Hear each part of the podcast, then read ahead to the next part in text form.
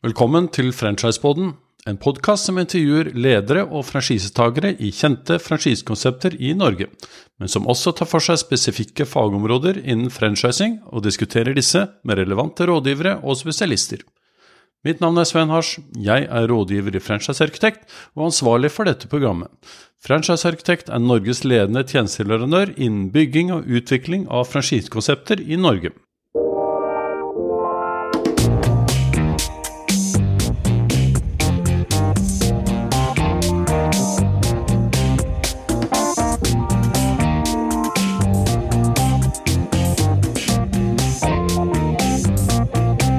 I denne episoden skal vi gå nærmere inn på en restaurantkjede som virkelig er en institusjon i Norge. Vi får besøk av administrerende direktør Marianne Lund i Peppes Pizza. Peppes har vært gjennom flere endringsprosesser internt for å opprettholde sin attraktivitet og tilpasse seg nye trender. Og vi er spente på hvordan dette har påvirket selve franchisekonseptet til Peppes. Med meg som programleder har jeg Frode Finserud, partner og daglig leder i rekrutteringsselskapet Kappa. Velkommen til eh, Franchisepoden. I dag skal vi faktisk snakke med en, en godt voksen uh, kjede, 50-åring. Og uh, med oss så har vi Frode Finserød, som er min medprogramleder, som er partner og managing director i Kappa. Og så har vi ikke minst Marianne Lund, som er administrerende direktør i Peppes Pizza. Og ut fra det jeg, hva jeg vet om restaurantkjeder, så er man jo veldig opptatt av jobbe på gulvet, tilstedeværelse. Så egentlig så burde vi hatt opptaket i en restaurant. Hva tror du om det, Marianne? Nei, Vi burde jo absolutt det. Det er jo noe med Peppes-kulturen og det bankende Peppes-hjertet. Og det er klart, det å være i restaurantene og kjenne lukten av verdens beste pizza, det er jo noe jeg hadde unnet dere også.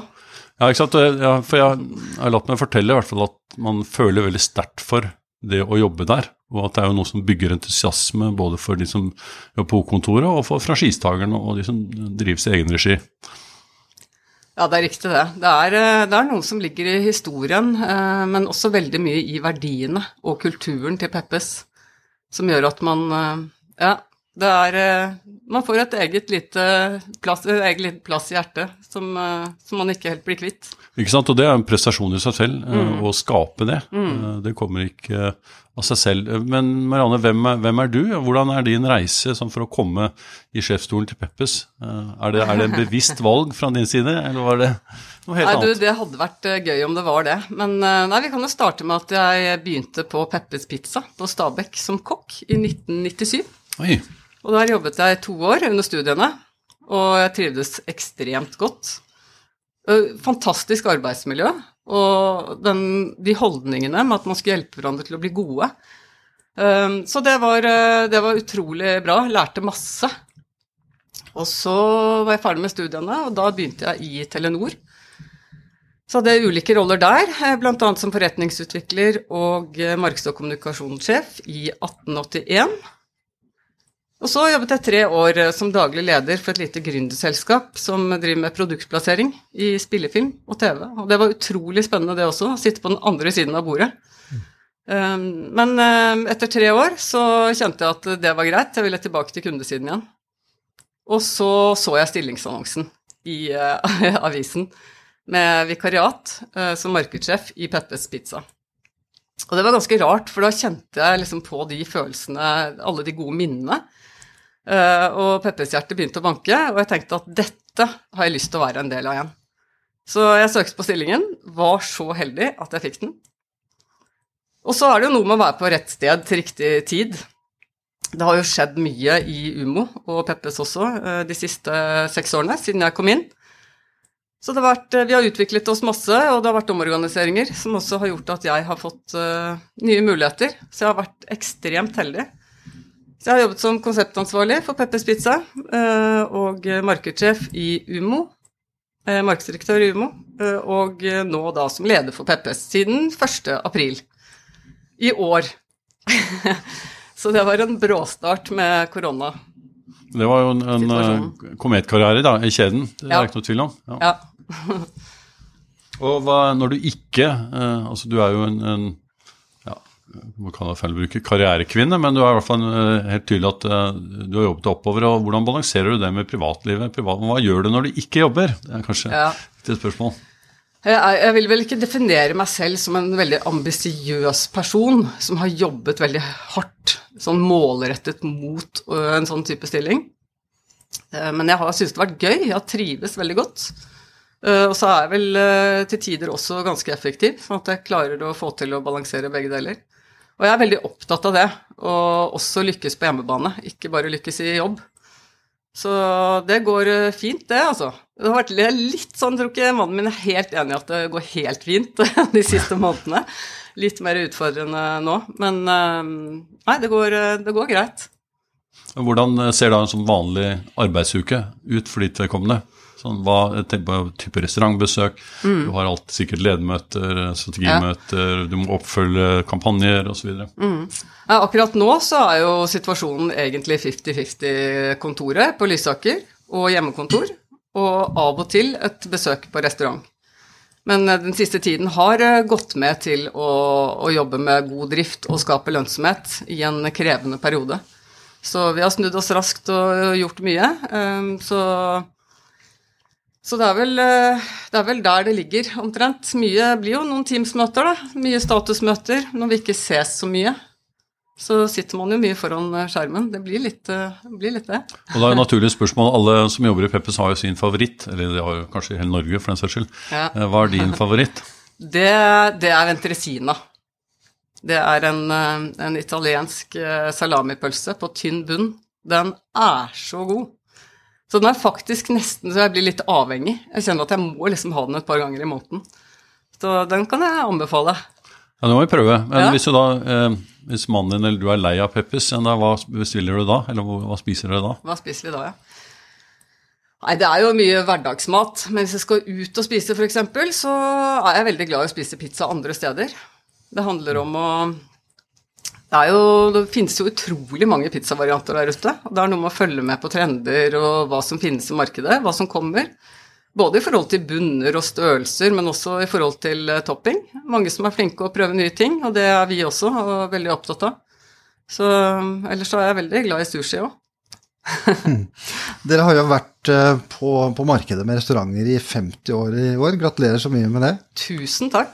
Det er en bragd. Ja, det får en si. Eh, det er ikke alle som får, eh, får, til det. Jeg husker jo selv Peppes fra, fra 80-tallet, hvor vi reiste milevis inn til Oslo for å, for å, stille oss i en lang, lang kø for å kanskje få et bord hvis vi var heldige, og, og, og feire bursdagen. Kan du fortelle litt mer om, om historien og opprinnelsen til Peppes? Fram til der vi er nå? Gjerne det. Du kan få lov å ta kortversjonen, altså. Ja, det vil jeg ikke. Nei, jeg må fortelle litt om den. For det var jo Anne som 20 eh, år gammel forelsket seg i eh, forretningsmannen Louis fra Connecticut. Connect, Åssen uttales det? Connecticut, er det vel? Og hun forlot eh, faktisk Oslo og flyttet dit og giftet seg med han. Og så, Det var på 60-tallet. Og så etter noen år så ble Louis veldig lei av jobben sin. Så da overtalte Anne Louis til å prøve å finne noe som kunne, han kunne drive med i Norge, så de kunne flytte hit. Så dro han til en naboby og hospiterte på en pizzarestaurant.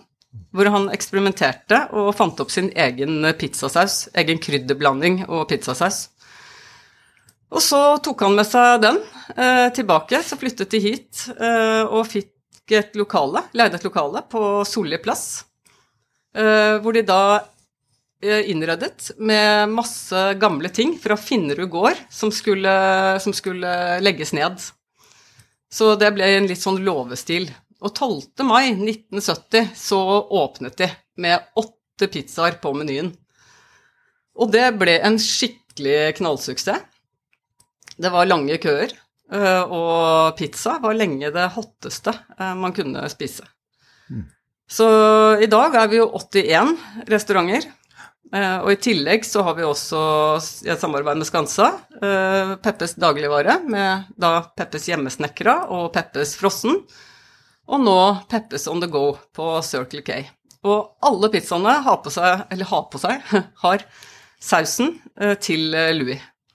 Så det er den velkjente pizza Peppesmaken. Den går igjen overalt. Spennende. Nå kan vi nesten ikke unngå å møte på Peppes hvor enn vi, vi, vi går. Um, Så, og det er jo en, en, en ny, uh, nytt produkt i Circle K, så det blir jo spennende å se hvordan det utvikler seg videre i årene som kommer. Um, jeg kunne godt tenke meg å høre, høre, litt mer om uh, om det er restauranter i, i, utlandet eller i Norge som du ser opp til? Som virkelig får det til, på en måte? Ja, det er jo det er veldig mange som får det til. Men sånn pizza, eller pizzakjeder, da, hvis jeg skulle gå inn på det, eller kjeder, eh, som vi eh, Så er, vil jeg jo si at eh, jeg er imponert over pizzabakeren sin eh, utrulling. De har jo skapt mm. veldig rask synlighet med å ha så mange enheter som det de har. Så det har vært Det er imponerende. Jeg syns Olivia også har truffet, truffet noe veldig riktig i forhold til atmosfære. Så de lykkes jo godt i de store byene. Så det er jo noe med den kosen og atmosfæren som vi er veldig opptatt av i Norge. Eh, og den har de klart å få til veldig, veldig bra, samtidig som de også har, eh, er trendy. Ikke sant? Både i interiør og i, på mat. Mm. Vi er jo midt oppe i en uh, krevende tid, som du var inne på i stad, Marianne, med, med covid-19. og Eh, spesielt bransjen din har jo vært eh, og er rammet ganske hardt. Eh, kan du fortelle litt mer om, eh, om, de siste månedene og hvordan dere har taklet det? Så, eh, og hvordan franchisetakerne har taklet det? Mm. Ja, det har vært en skikkelig spesiell tid, det. Det vet vi jo. og det kom jo så brått på. Så mm, vi ser at takeout og leveringsmarkedet, det har, det har vokst mens restaurantmarkedet, det har blitt, eh, det har blitt eh, veldig hardt eh, preget. Og det handler jo om disse restriksjonene sant, som er overalt i forhold til kulturlivet som rammer det. Det er jo veldig mange som ønsker å gå ut og spise pizza før og etter bowling, teater, fotballkamper, konserter, teater, ikke sant, alle disse tingene. Og når det ikke skjer, så reduseres antall brukssituasjoner for Peppes. Så det er sånn tomt Oslo Spektrum f.eks. For i forhold til Oslo-avdelingene våre. Og varemesta på Lillestrøm er jo stengt. Så avdelingene våre på, eller avdelingene våre på Lillestrøm eh, merker jo det, selvfølgelig. Så, så har det jo tøft òg eh, med å permittere så mange mennesker. Samtidig så forsto jo alle hvorfor. Eh, og det var jo mange som ble permittert, så man er jo ikke alene. Heldigvis så fikk vi tatt tilbake alle ganske raskt. Men øh, det, har vært, øh, det har vært veldig krevende, og så har det vært jæskla gøy. Det må jeg bare si, mm. på en annen side. Fordi det er noe med å Man, man går jo litt i tralten. Uh, og det å Vi satte ned en beredskapsgruppe med en gang. Hadde møter morgen og kveld. Fulgte timesalg. Og det som var så bra, var at vi mobiliserte mye raskere på ting. Så ting vi hadde ønsket oss lenge, sånn som f.eks. For forhåndsbetaling Ehm, på nett og digital meny i restaurant, det fikk vi til på to uker. Så det var jo så gøy. Det å produsere noe, skape noe, få fart. Så selv om eh, vi jobbet i ledergruppen, og veldig veldig mange andre jobbet døgnet rundt omtrent Altså vi så på natten, men det var ikke noe, var ikke noe særlig fritid eh, mellom syv om morgenen og elleve om kvelden. Så man kan jo ikke holde på sånn altfor lenge. Men, eh, men det, var, det, var, også fint å se at man kan ja, endringer, da. Det, eller kriser. Det skaper jo også noe positivt. Man kan i hvert fall velge å bruke det til noe positivt, og det har vi gjort. Mm. Så nå står det godt rusta hvis vi skulle komme ut for noe tilsvarende igjen, vil jeg si det? Ja, vi har, eh, vi har jo lært mye, og vi er jo ikke gjennom koronasituasjonen ennå. Så vi, vi, har jo utfordringer eh, enda, spesielt restaurantene våre i Oslo sentrum. De, eh, vi jobber hardt med de i forhold til å kutte kostnader i takt med tapt omsetning osv. Så, videre. så Så vi har masse igjen å lære, men uh, vi føler at vi har gjort uh, mye riktig gjennom denne tiden. Det gjør vi. Mm. Og det er veldig, veldig deilig. Så riktig som vi kan. Dere har jo valgt uh, franchise som driftsform. Har dere egeneide restauranter også, eller er det kun franchise? Ja, vi har 81 avdelinger, og 49 av de er franchise. Mm. Og 32 er egne. Så um, vi eh, Altså French Vi var jo først bare egeneide. Um, men så var det så høy etterspørsel i distriktene etter Peppers Pizza. Så for å ha en rask eh, utrullingstakt eh, så etablerte vi franchise. Og den første åpnet på Beitostølen i 1994. Og så ansatte vi en franchisemanager, og da hadde vi en veldig voldsom utrulling frem til 2007. Så det er veldig gøy. Eh, jeg bare tenkte, tenkte, å høre litt mer om eh, f.eks. driftskvalitet og, og, og lønnsomhet eh, i franchise-drevne kontra egeneide restauranter. Eh, ser dere noe tydelig forskjell på det, eller er det ganske likt? Ja, det er litt forskjell. Driftskvaliteten den er jo definert i konseptet, og ja. den skal være lik. Men eh, vi ser litt bedre lønnsomhet på franchise. Mm. Hva, det, hva tror du er grunnen til det? Det er at du driver eget, da.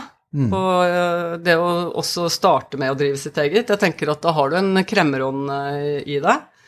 Eh, og en litt større drivkraft når det er din egen bedrift. Så vi opplever jo at veldig, veldig mange, om ikke alle franchisetakere, er utrolig flinke til å skape engasjement i lokalmiljøet sitt. og skape relasjoner, bygge relasjoner som gjør at de, ja, de blir en litt sånn uh, viktig del av lokalsamfunnet. Et samlingssted. Mm, så bra. Ja. Eh, når du starter en, eh, som franchisetaker i Peppes, hvem, hvem, er det som eier hva? Altså Er det, er det franchisedager som investerer i restauranten og kjøkken og stoler og bord og sånn, ja. eller er det dere som gjør det? Nei, det er de. Så det er, det er franchisedagene investerer naturlig nok, og derfor er en interessert i å gjøre det best mulig, naturlig nok, for å få avkastning på den kapitalen man har investert. Ja. ja nettopp.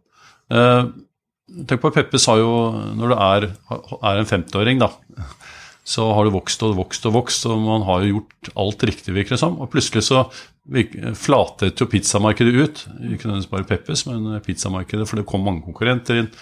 Og, og hva, det er jo, det er jo det litt urettferdig nok, du var ikke med da. Men hvordan håndterer man det? eller hvor, de, de kommer sikkert med masse innspill på vi burde gjøre det, vi burde gjøre det sånn, vi bør ha andre produkter, vi bør forholde oss til det vi har. Det er en ganske vanskelig diskusjon. Eh, eller det trenger kanskje ikke være vanskelig, men man føler at det er vanskelig jo mer man tenker på det.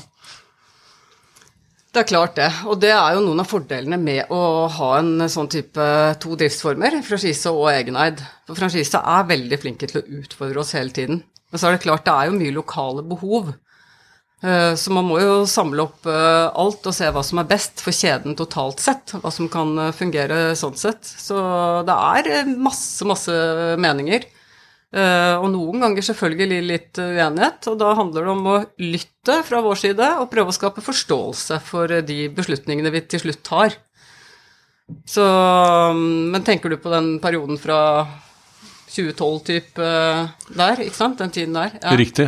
Og det det er jo ganske interessant, da. Skal man være den man er? Altså skal mm. make bli en lest? Ja. Eller skal man Ja, nå er det uh, Folk vil ha italienske pizzaer, folk mm. vil ha hamburgere, pølser, hva vet jeg. Ja, ja. Uh, sushi. Uh, så er det veldig fristende å si ja, men la oss henge oss på det. Eller skal man bare holde seg til det man er veldig god på, og som folk vet hva er? Kall det det. Ja. Ja, det var en spesiell tid, det. For Peppes hadde jo gått helt vanvittig bra siden 1970.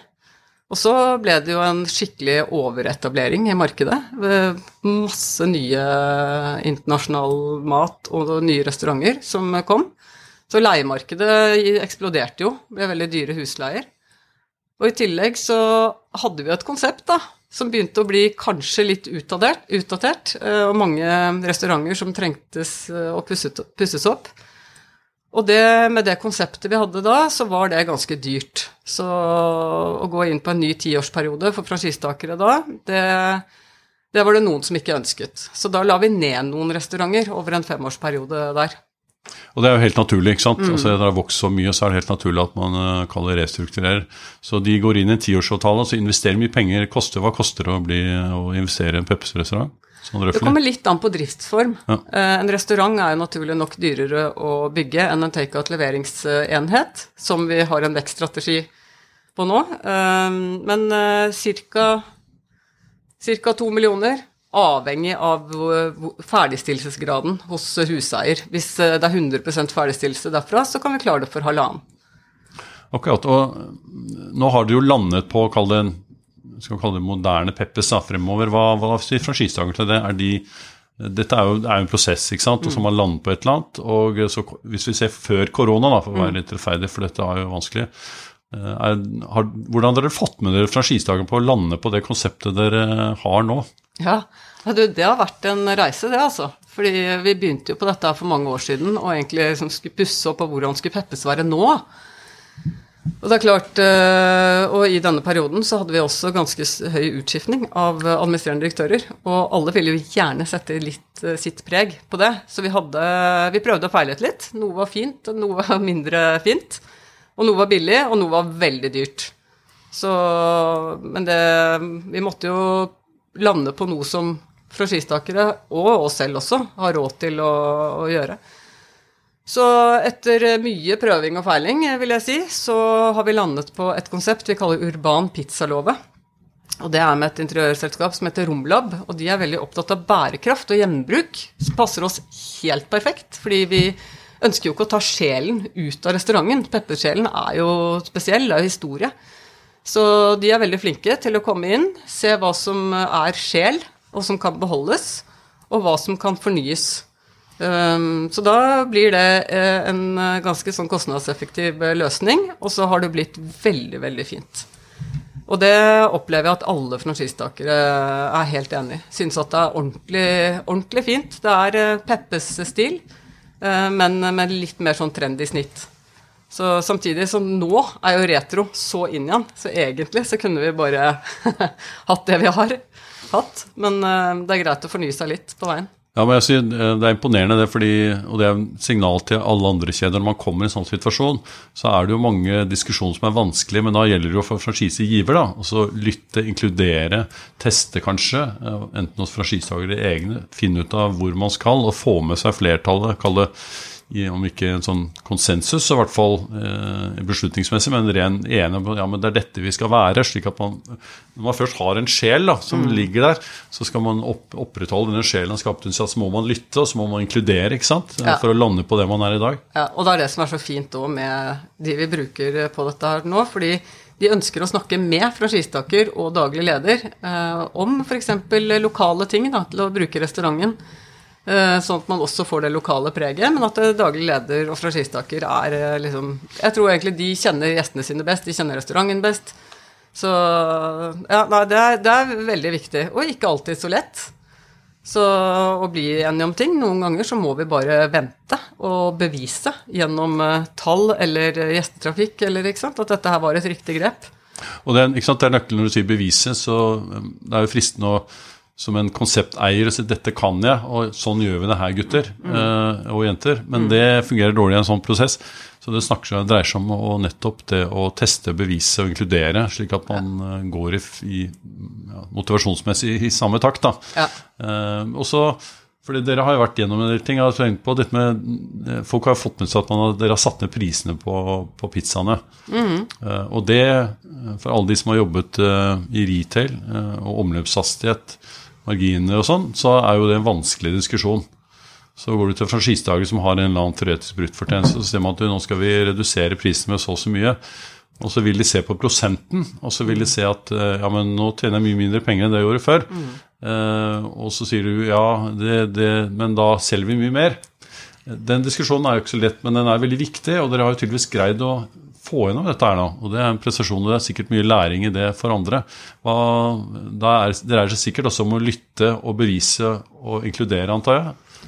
Ja, skape forståelse. Uh, for, liksom, vi har jo veldig mange forskjellige Peppes-avdelinger uh, som har et forskjellig grunnlag og kundekrets. Og de har jo også en ganske sånn ulik konkurransesituasjon lokalt. Aker Brygge liksom, i forhold til Alta f.eks., eller Trysil. Altså det er uh, noen har mange konkurrenter rundt seg, og noen har ikke det. Så da blir det vanskelig å treffe, treffe bra for alle eh, på pris. Man vil alltid få noen, eh, noen, reaksjoner. Vi så jo at konkurransen den tiltok jo, spesielt på takeout-levering med, med pizzabakeren eh, og andre. Og at gjesteutviklingen ikke gikk helt i den retningen vi ønsket. Så så vi på trackeren vår, vi har en ja, merkevaretracker, at vi kom ut med en prispersepsjon på at vi var dyre. Så tenkte vi at uh, her må vi gjøre noe mot de prissensitive målgruppene. Så da satte vi ned den uh, billigste pizzaen vår, da, som den Hammen pepperoni, til 168. Og den prisen hadde vi i fem år, før vi nå akkurat justerte den til 178.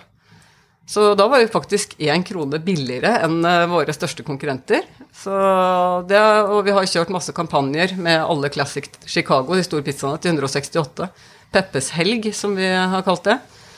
Så det har vært eh, kjempesuksess, det. Eh, det er det ingen tvil om. Vi, men vi måtte jo jobbe litt annerledes for å klare å selge mer pizzaer uten å øke kostnadene. Så er det litt sånn at volumer, da. Med volumer så får man jo også litt lavere priser hos leverandører. Så det har vi klart. Det har vi absolutt klart. Og ikke, ikke, vi har ikke tapt noe lønnsomhet.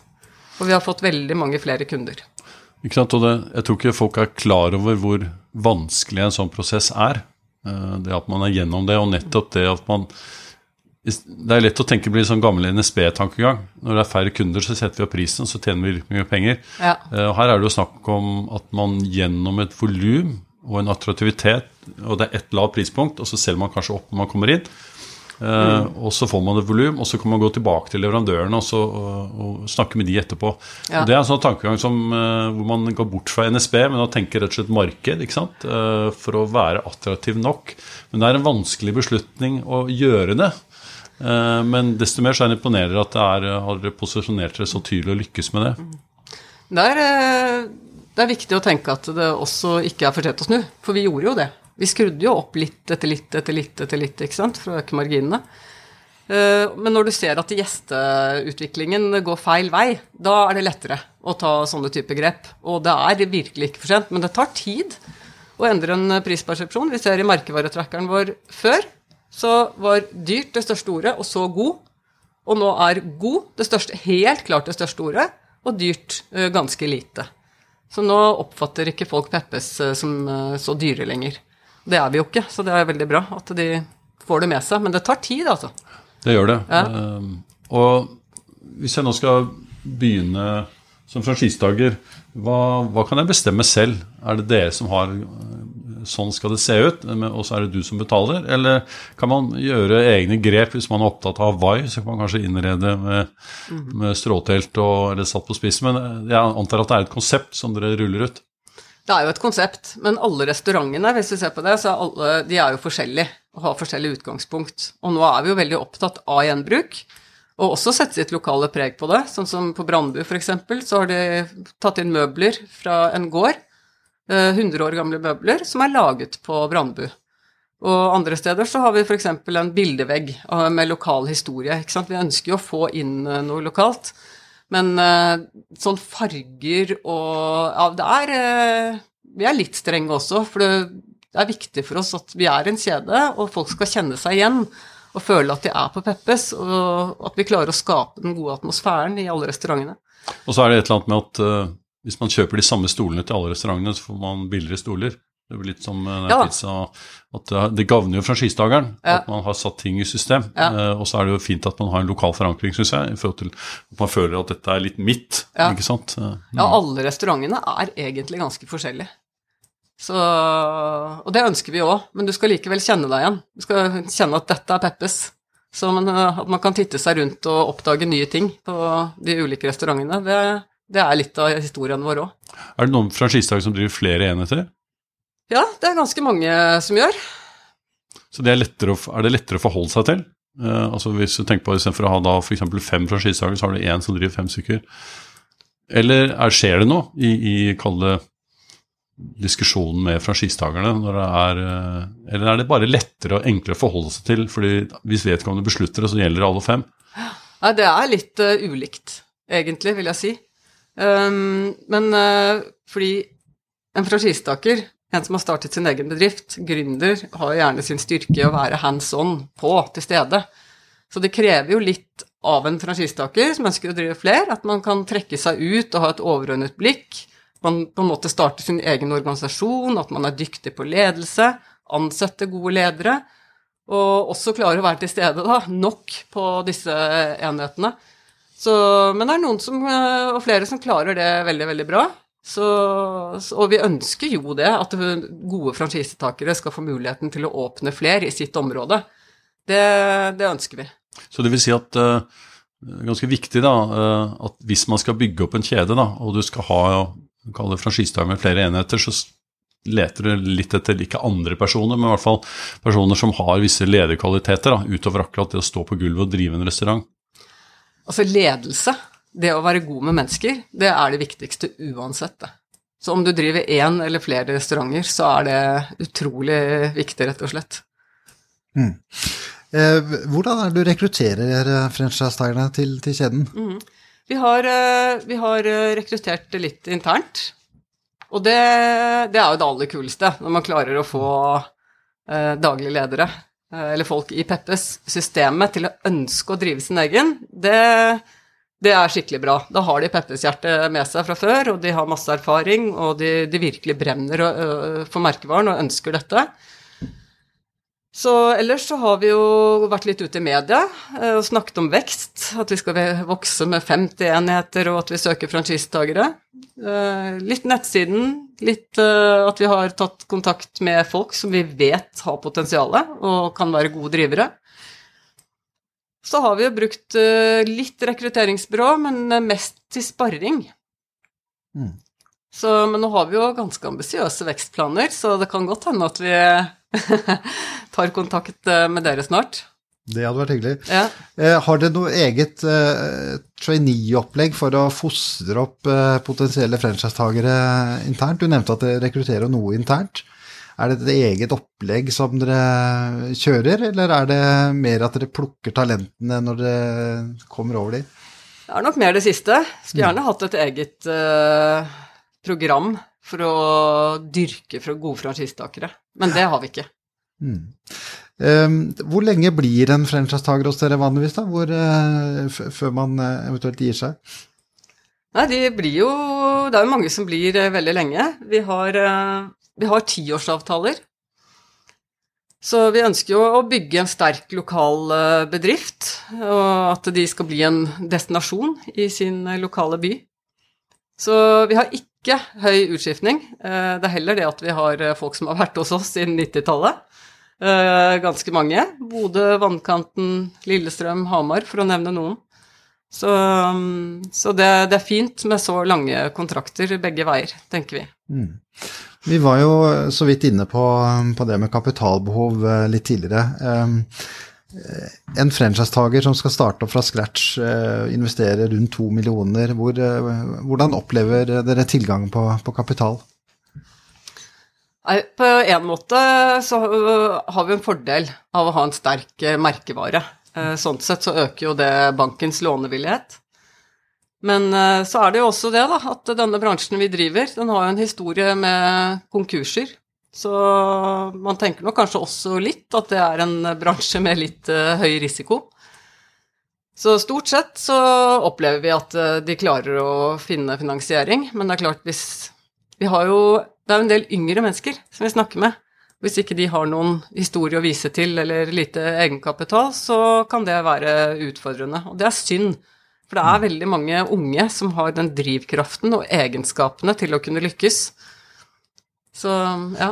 Men hvis uh, La oss gå ut fra to millioner, da, så antar jeg hvis det er kjøkken, invitar og sånn, så er det kanskje noe som kan leases? For å redusere kapitalbehovet, eller er det, er det kapital, cash, som gjelder?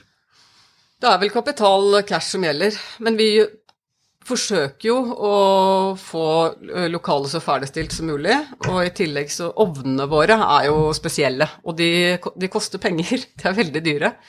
Så de kjøper vi inn i store volum og så selger vi de, sånn at vi kan selge de rimelig til, eh, til franchisetakere. For det er mye billigere enn om de skal gå ut og kjøpe den ovnen uh, alene, sånn singel. Så vi prøver jo så godt vi kan å legge til rette, og også i forhold til det konseptet som vi har laget nå, som har en eh, lavere inngangspris. Så vi føler at det er, ja, det er, ganske, det er ganske bra muligheter for å få rask payback. Det er bra, det er jo viktig for en franchisetaker. Hvordan er det med franchiseavgiften? Er det er det en prosent av omsetningen som man betaler? Ja. ja. Og så er det en markedsavgift, antar jeg, eh, i tillegg? Det er det i tillegg, ja. Til, det fond, da. Ja. ja. Og du er jo markedsfører, eller vært det en periode i hvert fall. Hva, hva, det er jo alltid et spennende tema, for det ligger masse penger i en pott uh, som kalles markedsbudsjett. Og så hvem er det som bestemmer hva man markedsfører og hvordan? For der er det er lett å ha mene noe om markedsføring, uh, mm. og så er det vanskelig å bygge merkevare. for å velge bort det man ikke skal si. Ja. Hva, hvordan fungerer det hos dere? Vi har jo dialog med franchiseutvalget, og vi forsøker å involvere. De klarer jo veldig godt å involvere seg selv òg, for de er utrolig flinke til å komme med, med tips og ønsker. Men det er, det er, ikke alltid det er så lett, altså, å møte alle de behovene som eh, de opplever. Og det er som du nevnte i sted, at eh, det er lett å tenke at vi kan ting best. Og det tenker jeg ikke alltid. Jeg tenker heller ofte så er det de franchisetakerne som kan ting best. Det er de som kjenner sin bedrift der de er. Men så er det det at vi er en kjede da, med mange enheter. Uh, og vi har et markedsbudsjett, så det er noe med at vi, um, vi har en fagkompetent markedsavdeling som tar, til syvende og sist tar uh, beslutningen ut ifra medieanalyser og optimal mediemiks for å nå flest mulig.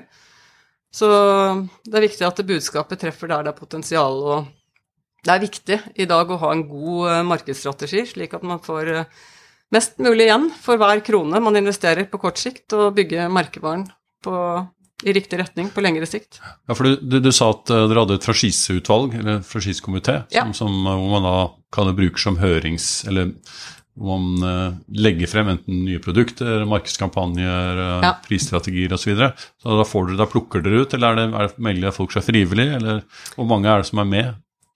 Nå har de fire, og de er uh, vervet internt hos dem selv. Ja. Det er bra, så, for da, får du på mange måter en Det er ikke noen som bare løper etter sjefen, han har sagt, men det er, det er, det er de selv som velger ut representanter. Ja. Så det er eh, veldig bra. Men sånn i menyprosessen f.eks., med produkter og den type ting, så jobber vi veldig eh, tverrfaglig, for å si det sånn, internt hos oss, og med franchisetakere. Så de er jo med De får først si hva de mener bør gå ut av menyen, og så hva de trenger inn på menyen, og så samler vi alt. Og prøver å ta gode vurderinger eh, ut ifra det, da. Så de er ganske, ganske involvert der. Og også på markedsføring. De får markedsplan tidlig. Uh, I hvert fall tidlig nok. Vi prøver tidlig nok, men pass på at jeg ikke skryter på oss noe der. Men, så de skal kunne si fra hvis det er noe som går helt Ikke sant. Kan, hvis vi planlegger en leveringskampanje, da, stor nasjonal leveringskampanje, akkurat når det er Sandar i Sandefjord, så har vi bommet litt. Så vi er nødt til å forankre planene våre der ute, så, vi ikke, ja, så ikke noe går helt på tverke med hverandre. Så da lager dere liste over alle cuper, konferanser, popkonserter, eh, alt, sånn at man styrer unna kanskje Det er mer de store, store arrangementene som kan være i uh, byer. Som den uh, båtrace i Bergen og ikke sant, den type ting. Mm. Jeg vil gjerne tilbake til franchisetakerne. Um, har du tenkt på noe felles trekk som kjennetegner de, de beste franchisetakerne hos dere? Ja, det det aller, eh, det aller, eh, beste er jo når de er eh, Vi har jo noen som er veldig, veldig gode med mennesker. Mm. Og det kjenner at det og det ha det i bunn, det er alltid veldig bra. Ellers så er det det jeg snakket om i sted òg, den der å bygge de relasjonene lokalt. Den lokale forankringen. og ha det Peppes-hjertet, og være opptatt av å følge konseptet. Um, og jeg var på Vi har en arbeidsdag to ganger i året hvor vi på servicekontoret er ute og jobber i restaurant. Og da var jeg i september så var jeg og jobbet som kokk og, og sjåfør i Sandefjord. Jeg tror kanskje jeg var mer til bry enn hjelp, men det var i hvert fall veldig, veldig, veldig gøy. Og da Den utrolig engasjementet for å, å ha, at kvaliteten på produktene skulle være bra, det var helt uh, utrolig imponerende. Mm. Det var til fingerspissene, altså. Så jeg tenker at der hvor uh, Ja, at det er en veldig stor styrke å være opptatt av å, å levere god kvalitet. Og det opplever jeg at eh, alle gjør. Mm. Hvilken rolle har franchisetakerne ofte i restaurantene? Er de, er de i selve restauranten og er restaurantsjefer nærmest, eller er de på kjøkkenet, eller er det litt overalt? Er det noe mønster der? Hvis jeg skal si noe generelt, litt overalt, kanskje. jeg tror, og det er jo også de de som lykkes godt, er jo til stede. De tar jo en vakt ikke sant, når det trengs. De bidrar her, de bidrar der. De er der til stede for menneskene sine hele tiden. Så ja. Er det et krav at man er til stede i, i franchiseavtalen? For det er jo noen kjeder som tillater at det er mer passive eiere. Det er nok ikke et krav, men det er klart vi har, eh, vi har jo avtaler der hvor noen har flere, om at de skal følge opp sine daglige ledere selv. Mm. Og da er jo det i henhold til alle våre retningslinjer og rutiner. Ja. ja. det går ikke an å være flere steder samtidig. Nei, det gjør jo ikke det heller. Så, men at de skal være til stede og følge opp sine daglige ledere. Og må, man må jo være til stede da for, mm. å, for å gjøre det. Og da kommer vi litt over på, på, på, et tema som jeg er nysgjerrig på, det er jo dette med opplæring. Mm.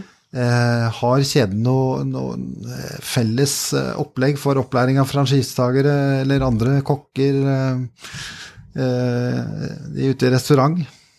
Kan du si litt om det? Ja, vi har Alle må gjennom noe som vi kaller grunnmuren i Umo Academy. Heter det. Og så har vi noe som heter Min lederrolle, som går mer på utvikling av deg som leder. Ikke som en Peppes-leder, men av deg som leder. Og så har vi mye digitale fagkurs som alle må igjennom. Uh, Deriblant Peppes-skolen, som uh, er et digitalt kurs, men også med skriftlig, skriftlig innlevering. Er det før man begynner, eller er det underveis etter man har Det er begge deler. Ja. Det er før man begynner, og da mm. gjerne med en franchisetaker som er helt ny, så ønsker vi jo utgangspunktet tre måneders opplæring. Men vi ser at det kan bli eh, seks uker også. Som en minimum seks uker, det må vi ha. Og så er det vedlikehold av kompetanse underveis, så lenge de er hos oss. Mm. Um, det med å få de rette folka, det handler jo også om å, være flink til å ta vare på de unge talentene som kommer, kommer innom. For jeg antar at i bransjen deres så er det veldig mange unge som, som begynner, sånn som du gjorde kanskje, da. Eh, ekstra ved siden av skolen eller uh, Eh, ja, eh, sin første jobb. Kan du fortelle litt om, eh, om hva dere gjør med de unge talentene? Ja, akkurat uh, nå. Vi har jo en del franchisetakere som har hatt uh, unge som har tatt fagbrev. I år så er det fem stykker som har tatt fagbrev innen salg og service uh, hos oss. og noen av de blir jo, mens noen ønsker jo å gå videre og utdanne seg videre. Vi har også et samarbeid med Nav om ungdom som eh, faller utenfor, eh, sånn at de skal få muligheten. Vi har jo gode holdninger og et miljø som eh, gjerne gjør at folk som er folk utenfor, kan komme seg lett på bena igjen. Så i tillegg så er vi bare utrolig opptatt av å være en ordentlig real arbeidsgiver. Det er veldig mange av våre ansatte som har sin første jobb i Peppes. Uh, og da er det liksom deres møte med arbeidslivet, da. Da har vi et ganske stort samfunnsansvar i å gi dem et, uh, et, godt møte der, og en god start på arbeidslivet. Så jeg er opptatt av det. Opptatt av å ta vare på, på medarbeiderne våre, gi dem muligheter, og det er, det er det mye av i Peppes. Vi har ganske mange som har jobbet hos oss fra sjåfør, og nå er daglig leder. Så det er, eh, det er en spennende karrierestige som man kan velge å gå. Ja, Det kan jeg bekrefte, for sønnen min jobbet nemlig som ung da på statskontoret. Og det jeg hørte, han er jo ikke noe, nødvendigvis en veldig utadvendt selger i den forstand, men den opplæringen han fikk, og oppfølging, motivasjon, teambuilding, det tror jeg satt preg på han i forhold til at han lærte veldig mye denne når du skal sitte og snakke med folk om hva de skal bestille, hva de ikke ja. skal bestille, med mersalg osv. Det var spennende. Du nevnte eh, Umo-akademiet. Dvs. Si at dere er jo eid av Umo Restaurants. Det er jo en ganske stor aktør i Norge, eller Norden for den saks skyld. Mm. Uh, og det, da, det vil si at da bare tolker jeg at man har mye backoffice, altså ressurser, uh, som kan hjelpe kjedene. Men hvem, hvor mye er det de bestemmer? Altså Peppe, da kan man si på to måter. Enten kan man si at Peppes er Peppes, og det er vi som bestemmer hvordan konseptet er. Eller man kan si at uh, det er en eller annen konserndirektør som sier at sånn skal Peppes være. Hvor, hvor, er, hvor er dere der? Nei, akkurat nå så er det litt eh, delt, da. For nå er jo konserndirektøren Han var jo tidligere administrerende i Peppes, så det er mye engasjement. Det er veldig bra. Eh, men nei, det er eh, Umo er Det er utrolig bra å være en del av Umo i forhold til alle stordriftsfordeler og systemene bak. Men Peppes er helt selvstendig i forhold til å utvikle konsepter. Det må selvfølgelig Noe må styrebehandles og den type ting, men vi har våre egne verdier eh, og vår egen kultur. Den sitter jo, sitter jo, i veggene, den. Så vi er et uh, eget konsept, og det er veldig ålreit med Peppes òg. Det er veldig gøy å jobbe med Peppes. Det er egeneid, ikke sant. Vi eier det selv. Vi er ikke det er litt annerledes med internasjonale merkevarer man er en franchisetaker eh, hos, da, sånn sett. Så vi har mye spillerom. Det skulle jeg tro, eh, og jeg tror det er også riktig i den forstand. Og så får man kanskje noen føringer og, og ressurser da, fra, fra kontoret, ja. eller fra eierne. Um, og så er det naturlig når du nå er i, i sig igjen, da, kall det det, og har vekstplaner, så kan man jo spørre seg selv uh, skal dere ut til andre land. Dere har jo vært i andre land og gått tilbake igjen. Det er jo ofte lettere sagt enn gjort. Uh, og F.eks. pizzabakerne nevnte det. De, de, tok jo ganske lang tid før i det hele tatt fikk det til i Sverige. Ja. Uh, og eh, det har jo sine gulme kulturforskjeller. Hva er, det, er det Norge som er tingen, eller driver du og tenker i bakhodet nå på at uh, nå skal vi tilbake igjen til enten det er Sverige, Danmark, Tyskland, hva vet jeg? Nei, det er Vi har funnet ut at det er Norge som er tingen. Altså For det første så er det masse potensial. Pizzamarkedet vokser og vokser, folk spiser mer og mer pizza, og vi er en nasjonal pizzakjede, men det er mange steder hvor vi ikke er. Så vi har stort potensial her. Men uh, når det er sagt, vi har jo både vært i Sverige og Danmark, uh, og faktisk også Kuwait og Kina, uh, av alle steder. Så, men det vi ser, er at det er krevende å bygge kjennskap og lojalitet i et land som ikke har et forhold til Peppes. Det, det, er litt utfordrende. Og det vi også har erfart i Peppes, men også gjennom Umo, er jo at det å starte en virksomhet i et annet land krever veldig lokal kompetanse. Det for f.eks. i Sverige, ikke sant, så bare Hæ, stor pizza? Det skjønte de ingenting av. Det har de jo ikke. Eller hadde ikke da, i hvert fall. Eh, så det var kun liten og på tynn bunn. Eh, så det er, det er viktig å skape seg den lokale eh, kompetansen for å kunne lykkes. Og vi ser jo det samme også fra internasjonale aktører som prøver seg her. Enten så er de ikke villige til å tilpasse konseptet sitt til det norske markedet, eller så har de ikke opparbeidet seg god nok kunnskap om det norske markedet. Hvis ikke de lykkes. Så det går begge veier. Ikke sant, så Da, da er man litt tilbake til dette med 'skomaker blir vi det lest', eh, i forhold til land i hvert fall. Ja. Eh, og at man da eh, gjerne under marsjen, når man er 50 år gammel, polerer litt, justerer litt, kjøper seg noen nye klær. Men ellers så er man på en måte mye av det samme. Ja. Ikke mye av det samme, men i hvert fall man forholder seg til det man er veldig god på. Ja. Eh, og det er selvfølgelig en enkle så lenge det er lønnsomt, det er det bra. Eh, men allikevel så skjer det jo ting i markedet hele tiden. Hvis at det kommer jeg det husker det helt fra, fra, fra 80-tallet. Da jeg studerte i Köln, så var det mye slice-pizza salg på gaten. Mm. Og jeg har alltid lurt på uh, hvorfor ikke det er rullet ut et større gang. Men nå er det noen som virker som har tatt tak i dette her, da, uh, med dette konseptet digg. Ja. Uh, og så kan man jo si at konkurranse er bra. Og så kan man si at ja, men det, det burde vi også ha gjort. Eller man blir litt, kanskje litt engstelig. Hva, hva, tror du om det? Ja, hva tror jeg om det? Det er jo ulike markeder for pizza. Og vi har jo valgt uh, å være i dagligvare. Ikke sant? Det, aller, det aller viktigste da, det er jo at uh, vi kan gå ut i mange markeder og forskjellige steder hvor man treffer brukssituasjoner for pizza. Men det er viktig at kvaliteten er Peppes kvalitet. Og det vil ikke si at den er like god som den i restaurant, men at den er best innenfor den kategorien man er. Sånn at vi er best uh, i frysedisken. Vi har den beste pizza du får tak i på en uh, service- eller bensinstasjon. Ikke sant? Så, så, vi har jo valgt å ta større markeder sånn sett, men vi har jo også utviklet et fast casual-konsept med stenåsbakt pizza på fem minutter på Oslo S, som går i litt retning av den derre rask mat og det er klart, det er jo et voksende marked. Definitivt. Mm. Vi skal snart uh, runde av, Marianne. Det var veldig hyggelig å, å ha deg her uh, i dag. Um, jeg kunne tenke meg å høre litt om, om, miljø- og samfunnsansvar, for det er jo viktig for nesten alle bedrifter i dag. Og du var jo så vidt litt inne på det med tanke på å få inn folk på lærlingkontrakter og ta vare på ungdom og kanskje de som faller utenom. Men kan du fortelle litt om uh, miljø? Ja, gjerne. Det er vi veldig opptatt av. Og hvis man ikke er det i dag, så tror jeg man kan få utfordringer, rett og slett. For de unge er jo skikkelig miljøbevisst, mm. og det er kjempebra. Så um, vi har eh, jobbet eh, lenge med dette her, og spesielt eh, kanskje Saltpartnerskapet, f.eks., som vi er en del av. Hva er det for noe? Det er et, en forpliktelse om å kutte salt. Så jeg vet ikke hvor mange kilo salt det, i året vi har kuttet, så vi ligger lavere der enn markedet generelt på saltinnhold på saus og, og bunn, og også typiske skinke og topping og den type ting. Så kutt matsvinn 2030 eh, har vi forpliktet oss til.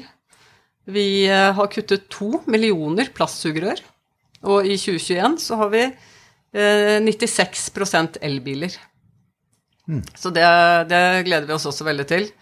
Eh, vi har også kuttet ut alt av plastballonger. Altså Før så var det sånn til alle unger som kom innom restauranten, og når de gikk, og bursdager, og til pynt utenfor. Men nå, det har vi kuttet. Så nei da, vi eh, jobber eh, på.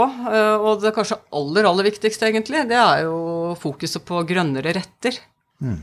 Så det dere kanskje ikke hadde trodd, det er at av Peppes sin totale salg, så er 10% nå vegetar og vegan retter. Så det, hadde jeg ikke trodd. ja, det, nei, så det er mm. kjempebra. Så har vi stort fokus på. Så vi har jo vi er veldig tidlig ute med både vegan og har mange varianter da, av vegetar. Mm. Gjelder det også råvarer fra eh, nærområdet, for å kalle det det? Er det noe, en del av det grønne konseptet, eller er det ja, Vi jobber med å bruke så mye norske produkter mm. som vi overhodet bare kan. Mm. Så jeg er nesten usikker på om vi har noe særlig utenlandsk, bortsett fra min favorittpølse ventresina. Den kommer nok fra Italia, muligens. Mm. Der, eh, ja. Men uh, hvis du løfter eh, blikket og ser fremover Nå har du jo eh, ikke ett år i sjefsstolen engang, men uh, så du, du, har jo en spennende tid foran deg, vil jeg tro. Hvor ligger uh, utfordringene og mulighetene for deg som leder, tror du? ja. Nei, det, det jeg kanskje er aller mest opptatt av, er jo at alle i Peppes skal vite hvor vi skal. Hvorfor går de på jobb hver dag? Ikke bare for å tjene penger eh, til, uh, under studiene eller hva det skal være. Men uh, det å vite hva Peppe skal være, hva vi strekker oss etter. Så vi har et visjonsarbeid nå. Vi har en visjon som vi utfordrer. som skal være enklere for de der ute, helt i ytterste ledd, å bruke og forstå. Og så er vi opptatt av verdiene våre. Uh, og vi jobber også med et lederutviklingsprogram som vi skal igangsette nå i forhold til det å utvikle hver enkelt ansatt til å prestere bedre. Så det er også et uh, veldig, veldig spennende løp. Alle skal kjenne på utvikling, at de er her, selv om de kan være i en, en og samme stilling i ti år. Vi har jo ansatte som har jobbet som servitør hos oss i 40 år. Men det er alltid muligheter for å utvikle seg, og det å, å føle på utvikling, det gir jo en mestringsfølelse. Så nei, mye det, og samspillsregler, det i forhold til å gjøre hverandre bedre, gi hverandre feedback, tilbakemeldinger. Den kulturen, eh, den er vi ganske gode på, men det er jo alltid et potensial. Mm. Så tenker, eh, tenker kanskje det, at det blir det viktigste. Mm. Mange gode tanker der innenfor ledelse. Tusen takk for at du kom, Marianne. Bare hyggelig. Takk for meg. Tusen takk skal du ha, Marianne. og Det er morsomt å se ditt bevisste forhold til lederskap, og at du nå leder en revitalisert voksen person uh, som, uh, som, ser at det er masse muligheter fremover. Det er morsomt, for det er ikke noe lett reise i det. Så det er veldig gøy at uh, dere lykkes så bra. Så takk skal du ha for at du kom til Franchiseboden. Takk selv. Vi hørte Marianne Lund i Peppes snakke om sitt lidenskapelige forhold til pizza og ikke minst hva det krever av en veletablert kjede å finne seg selv igjen etter en 50 år lang reise. Her er det mye å lære for kjeder som har hatt en lang og god vekstfase over kanskje ti år, og hvor det plutselig stopper opp, enten av markedsgrunner eller andre årsaker. Da skal du som konsepteier sammen med franchisetakerne sette deg ned og vurdere hvilke grep fra begge parter som må til for å bli mer konkurransedyktig, både på topp og bunnlinje. Da snakker man jo om en full gjennomgang av alle detaljer i kjeden for å finne områder som kan gjøres annerledes eller bedre. Det er ingen lett øvelse, det krever godt lederskap, god strategisk tenking, og du skal ha forretningsmessig suksess samtidig som du skal få med deg franchisetakerne. Og Per i dag kan det jo se ut som Peppes har greid dette, selv om det nok ikke har vært en enkel kurs å stake ut.